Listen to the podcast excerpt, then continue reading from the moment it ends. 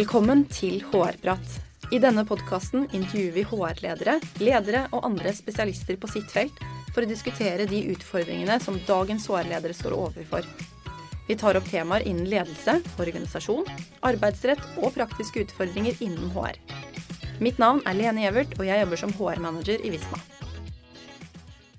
Velkommen til ny episode av HR-prat. Dagens tema er ubevisst diskriminering og likestilling. Og for å snakke om dette temaet har vi invitert Marie Louise Sunde og Isabel Ringnes. Velkommen til dere. Tusen hjertelig takk. I kor. Eh, før vi går løs på dagens tema, så ønsker jeg å høre litt om dere. Kan ikke dere begynne med å fortelle litt om dere selv? Jo, eh, jeg heter altså da Marie og er egentlig lege. Har jobbet som kirurg frem til i høst, eh, og har nå sluttet med det for å jobbe fulltid med Hun spanderer, som vi startet egentlig som en mer forening og kampanjevirksomhet i 2015 for å sette fokus på ubevisst kjønnsdiskriminering. Og så har vi nå da i fjor startet det som et selskap for å bygge et verktøy for at bedrifter i større grad skal kunne bli likestilte.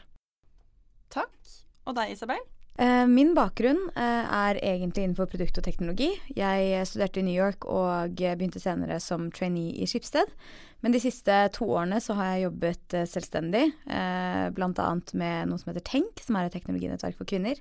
Mm. Eh, og uh, som foreleser for Singularity University, og nå med podkast Future Forecast. og selvfølgelig aller mest tid går til akkurat det som Marie snakket om, nemlig hun spanderer og likestilling og balance tool, som er da det verktøyet som vi utvikler. Mm.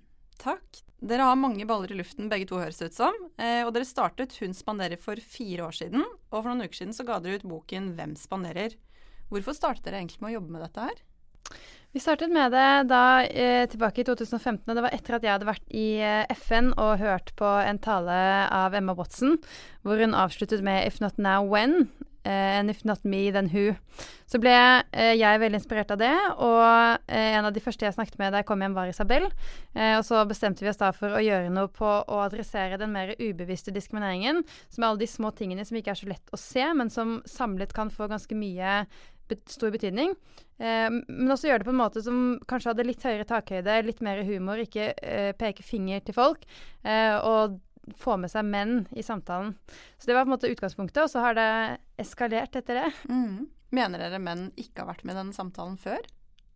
Siden du, siden du, først nevner det. Nei, men altså Likestilling og uh, har jo blitt liksom ens Eller hva heter det for noe? Um, uh, man, man, man, forbinder det veldig med sånn kvinnekamp og mm. kvinnesak. Mm. Eh, men likestilling jo, ligger jo i ordet. altså Dette her handler om likt for begge kjønn, eh, og det omhandler alle.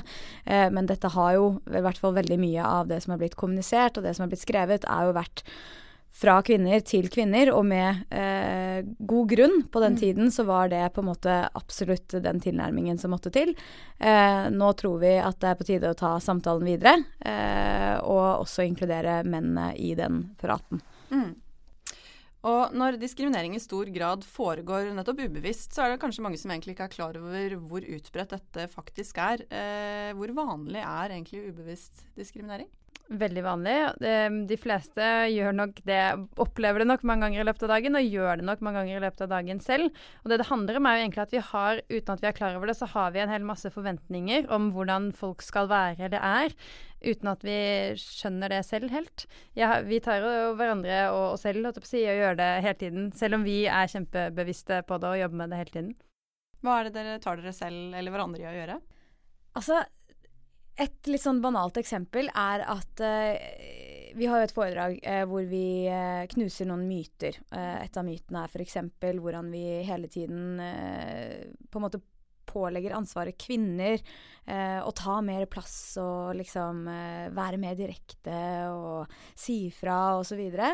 Eh, og det er jo klart at eh, selv om vi nok kanskje mener at det er litt eh, lite nyansert å på en måte drive kommunikasjonen fremover sånn, for det er jo selvfølgelig ikke bare kvinners ansvar å komme fremover, mm. Eh, så kan jeg, selv, kan jeg, ta meg selv i at jeg sier å, men kom igjen, bare liksom ta mer plass og kom igjen, bare stå på og liksom eh, Og det er jo ikke noe feil i å si det, eh, men jeg må jo si at av og til så, så må jeg jo svelge mine egne argumenter eh, til, til, tider. Eh, og det, og, det, gjelder jo innenfor mange forskjellige områder hele tiden. Men i, hvilke erfaringer har dere selv med å bli diskriminert? Har dere vært utsatt for dette tidligere? Ja, vi har jo begge det, og det tror jeg de fleste har. Eh, i alle, både i, i, hverdagssituasjoner og sosiale situasjoner mm. og i jobbsituasjoner. Jeg har jo da jobbet som lege frem til eh, nylig, som kirurg. Eh, og det er jo en typisk mannsdominert eh, posisjon, på en måte.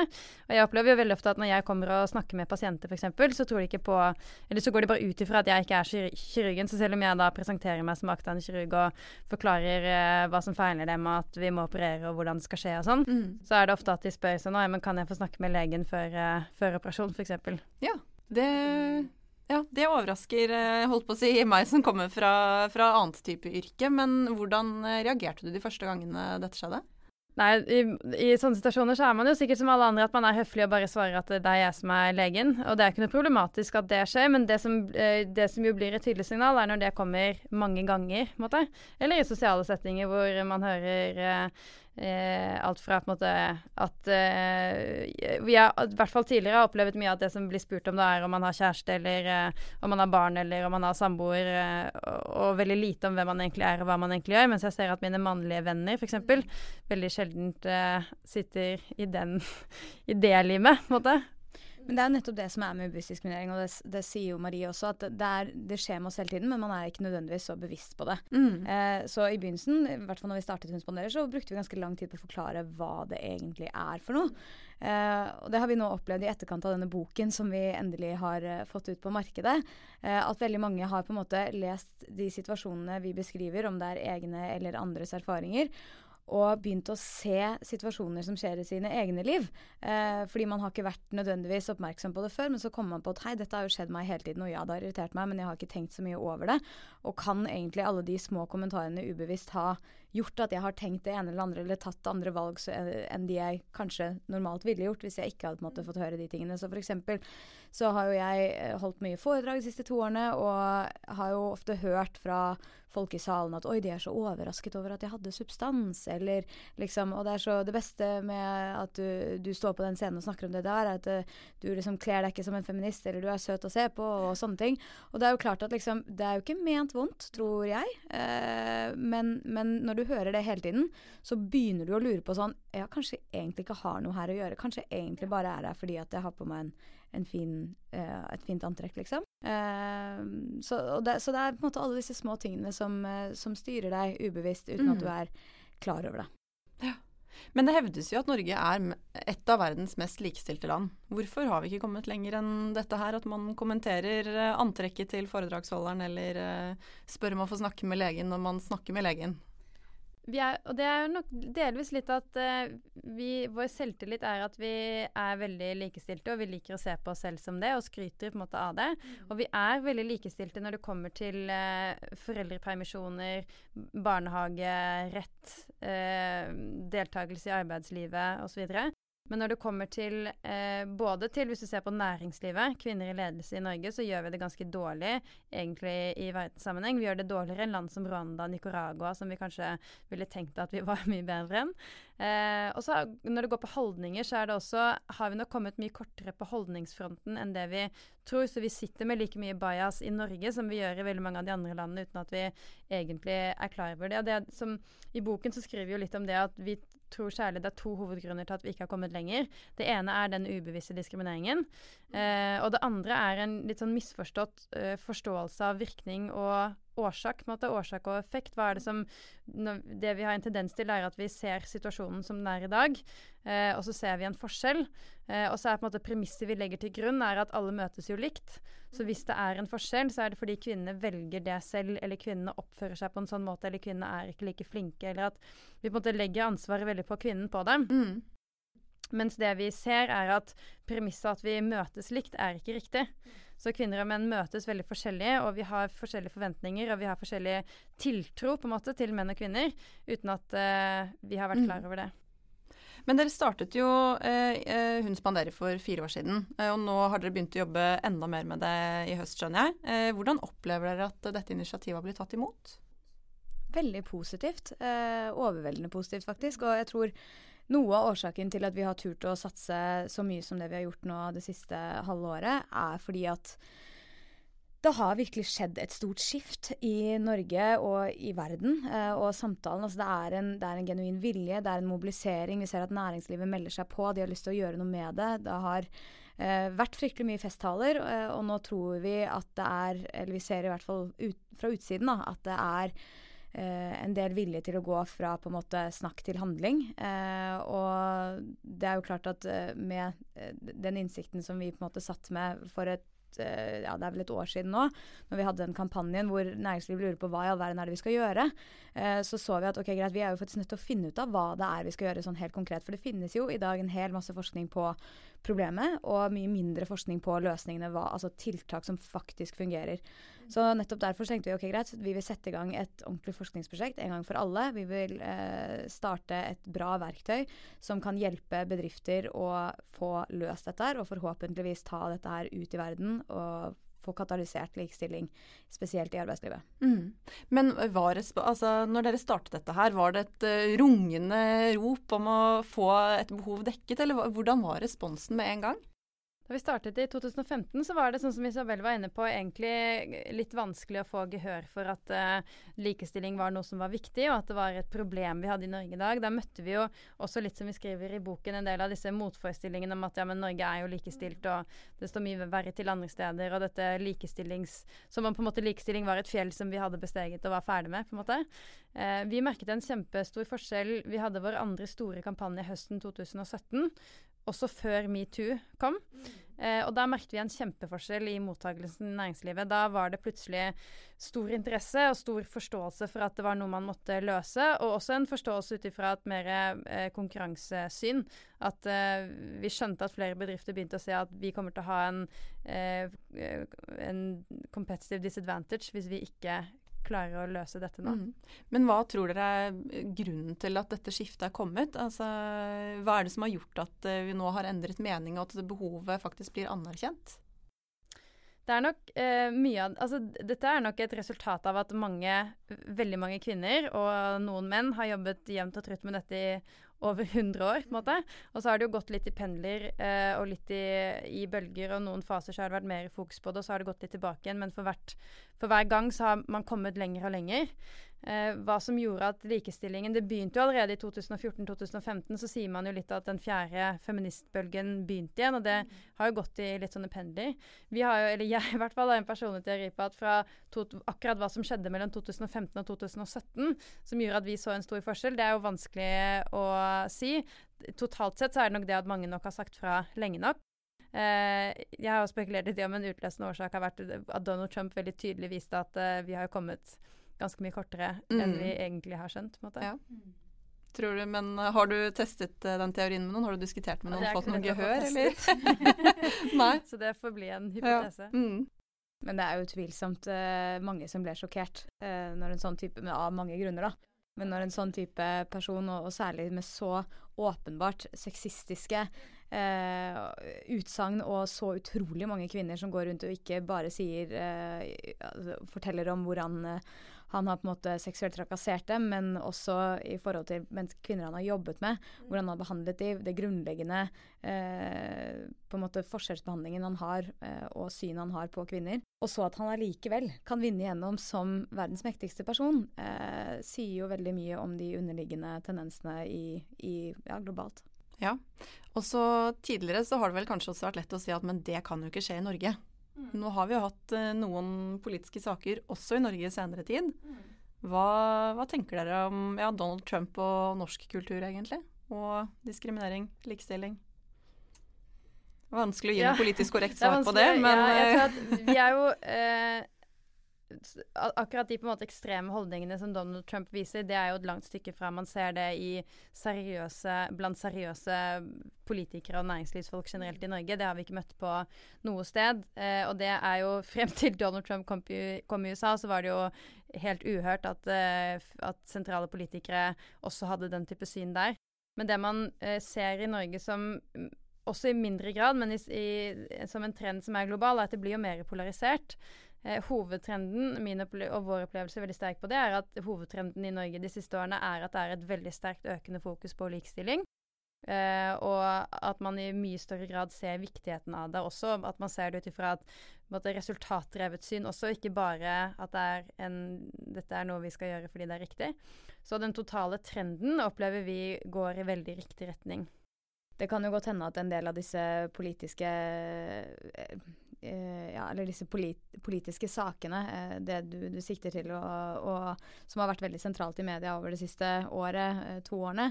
det er jo, Vi vet jo på en måte at disse tingene har jo pågått veldig lenge, men vi er nå på en måte på et sted hvor det ikke er greit lenger.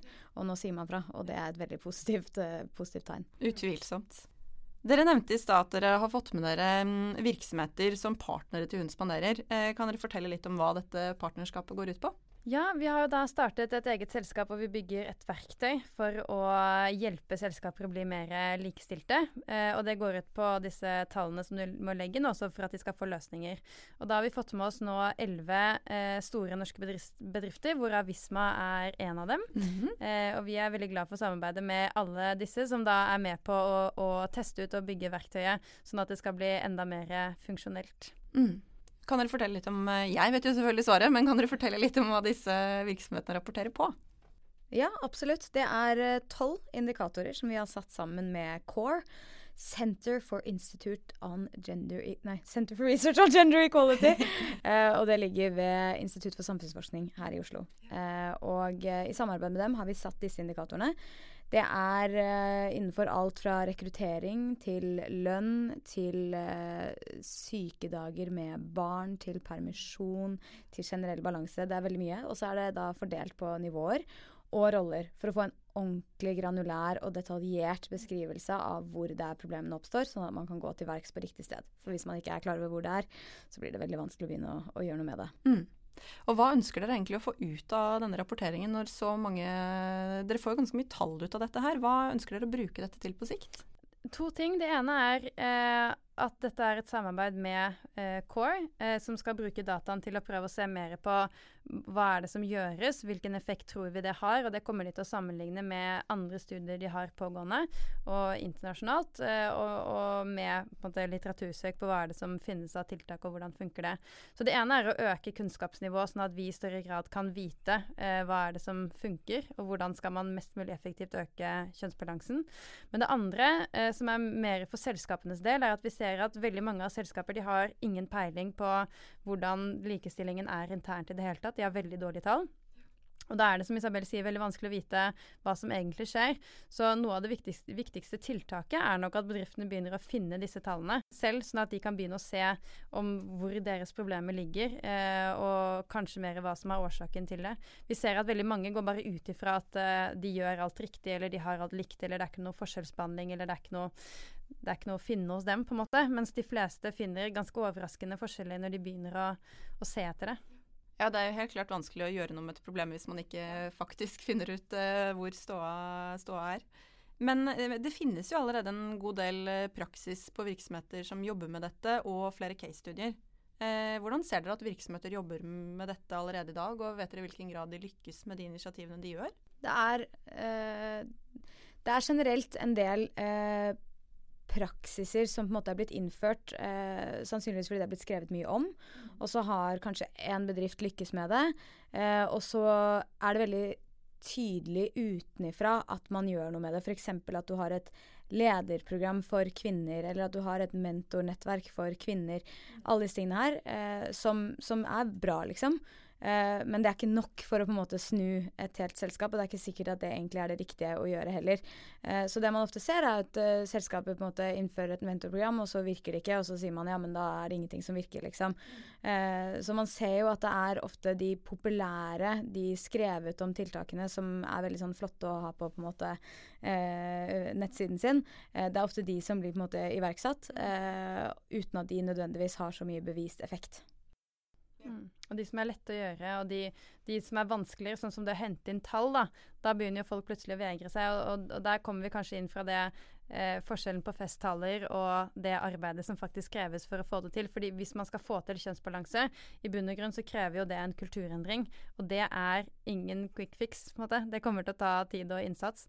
Så det er jo der vi er litt nå, at man må konvertere den, liksom den, viljen til endring til den handlingen som skal til for å få til endringen. Ifølge McKinsey så er det uh, 24% av de selskapene som iverksetter tiltak, som ser den effekten de er ute etter. Så det er jo et veldig lavt tall. Og en, en, forklaring på det er nok det som Isabel var inne på, at de, vi vet ikke nok om Delvis så vet vi ikke nok om årsakene, eh, så vi, vi, stiller på en måte feil diagnose, og da funker ikke behandlingen. Og det andre er at vi vet ikke nok om effekten av tiltakene, så vi innfører ofte en hel masse tiltak som vi ikke vet eh, om funker eller ikke. En, en, liten fortsettelse på det. McKinsey sier også at de tiltakene som virker, ofte er tiltak som er bra for alle, og ikke nødvendigvis bare uh, tilrettelagt for kvinner. Uh, som f.eks. hvis du skal ha fleksible arbeidstider. Uh, ikke, ikke legg frem det som et sånn fantastisk initiativ for at kvinner skal kunne ha barn. For da befester du på en måte den tanken om at det er bare kvinner som skal passe på barn. Sånn er det jo ikke det. Sånn bør det i hvert fall ikke være.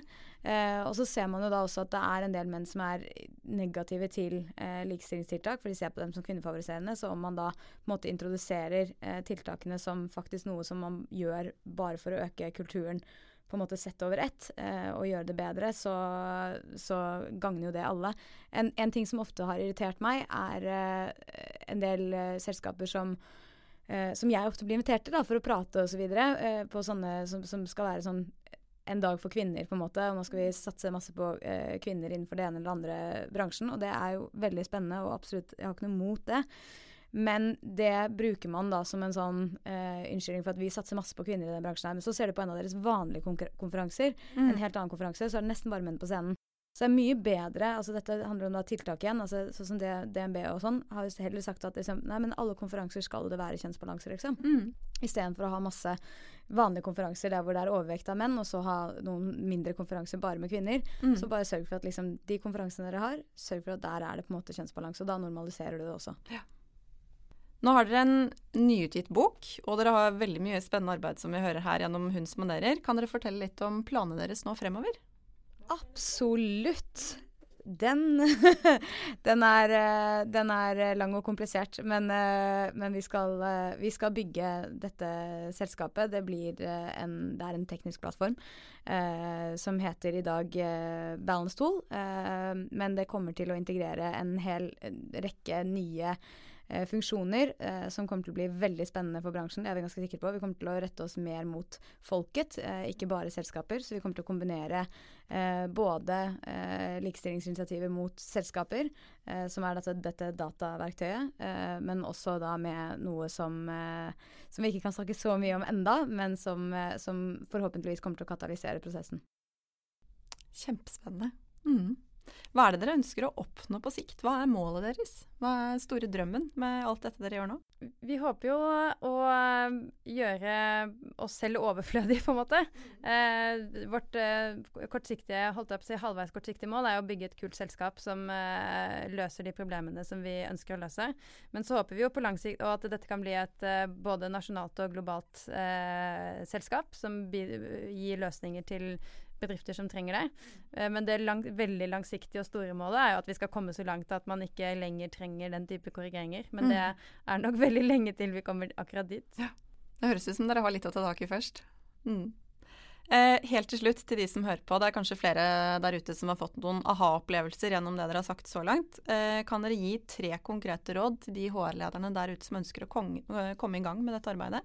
Ja. Eh, det aller første rådet Vi kan jo ta annethvert råd. Eh, ja. Det aller første rådet er altså Bare for å si det først, så er jo det på en måte nullrådet er å lese boken vår 'Hvem spanderer?' for der har vi jo skrevet en hel del om uh, hva man skal gjøre. Ja, helt objektivt det. Eh, objektivt.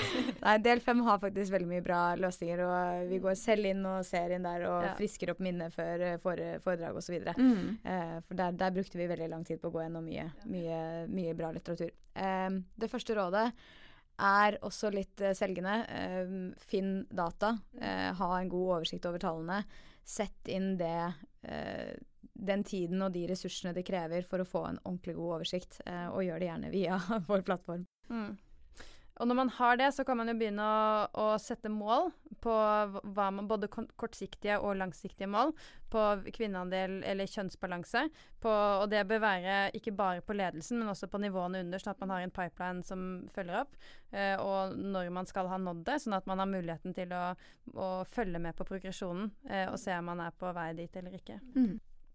Kanskje ikke så konkret, men uh, tenk helhetlig strategi hele tiden. Uh, ikke liksom sette inn ett uh, tiltak her og så på en måte regne med at det holder. Dette må være på en måte kontinuerlig, det må være en del av selskapets DNA. Det må være noe som er en selvfølgelighet i selskapet, og som kommuniseres veldig tydelig fra helt øverste ledere. fordi det er de som på en måte har muligheten til å både altså, avsette ressurser og fokusere på det på en måte som hele selskapet på en måte vil være med på. Mm. Eh, det kan ikke bare være et prosjekt i en avdeling et eller annet sted. Det må på en måte være en del av hele selskapet, og da må det ofte begynne top down. Mm. Tusen takk for uh, gode råd, og tusen hjertelig takk for at dere kom. Tusen takk for oss. Tusen takk for oss, det var fantastisk hyggelig. Så hyggelig. Eh, til deg som hører på, så kommer det en ny episode om ikke lenge. Vi prates.